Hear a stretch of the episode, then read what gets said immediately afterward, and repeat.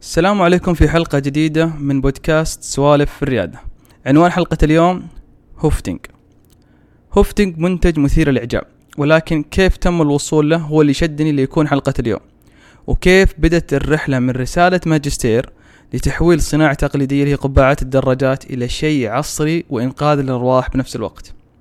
Hövding كلمة سويدية ومعناها القائد والزعيم. ونحتاج نرجع للوراء وبالتحديد إلى سنة 2005 في ذلك العام أقر قانون في السويد أن الأطفال إلى عمر 15 سنة إلزامي عليهم لبس القبعات عند ركوب الدراجات الهوائية. وبدأ النقاش في المجتمع السويدي لماذا لا يكون القرار إلزامي على الجميع وليس فقط إلى عمر 15 سنة.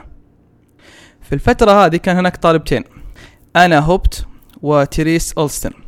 توهم على بداية تحضير رسالة الماجستير في التصميم الصناعي بجامعة لوند السويدية. بدوا بالخطوات التالية. بحكم هذا كان حديث المجتمع ذاك الوقت. عملوا الافتراضية التالية اللي هي قالوا بدل ما نجبر الناس على ارتدائها اللي هي القبعات بالقانون ليش ما نصنع قبعة يريدها يريد ارتدائها الناس؟ حتى حين كلام جدا جميل. راحوا نزلوا في الشارع وبدأوا يعملون استبيان بسيط يسألون الناس لماذا لا ترتديها؟ وخرجوا بأجوبة عديدة منها نقلها وأخذها معك هم ومنظرها قبيح أو تفسد تسريحة شعري. أو الرد الكلاسيكي المعروف اللي ما حد يلبسها أنا ليش ألبسها؟ طبعا هذا كله يثبت لك إن إحنا مخلوقات غير منطقية بتصرفاتنا ابدا. الناس تدرك أهمية القبعة إنها تحمي بإذن الله أرواحهم ولكن مع ذلك قرروا عدم لبسها. تخيل الحين وش سووا بعد هذا كله؟ صار عندهم على الأقل إدراك أكبر عن الأسباب. وعملهم للاستبيان مو إنه ما كانوا دايرين عن هذه الأسباب أساسا ولكن كانوا يحتاجون يعملون الاستبيان هذا حتى لو كان بسيط ليتأكدون. وبالتالي اتضحت الصورة أكثر إن المشكلة كانت في المنتج.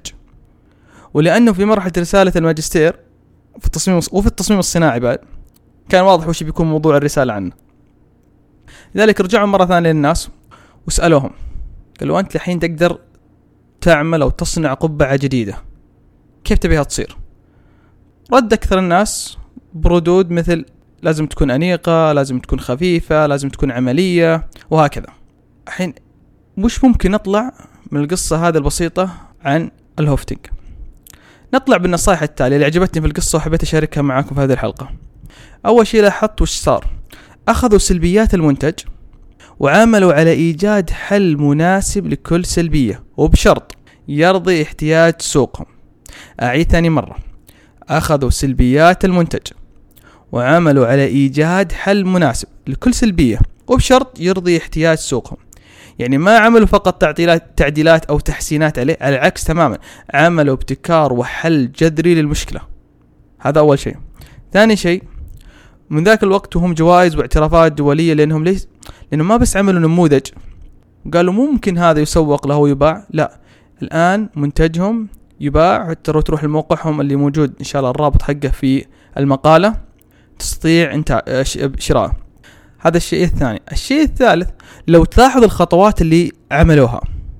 هم لا شعوريا وذاك الوقت طبعا ما كان موجود حاجة اسمها lean startup أو توها في بداياتها ولكنهم لو تشوف عملوا نفس خطوات lean startup اللي كتبت عنها في المدونة بالتفصيل وموجود رابط لها في مقالة الموضوع هذا اللي تساعدك في كمرجع.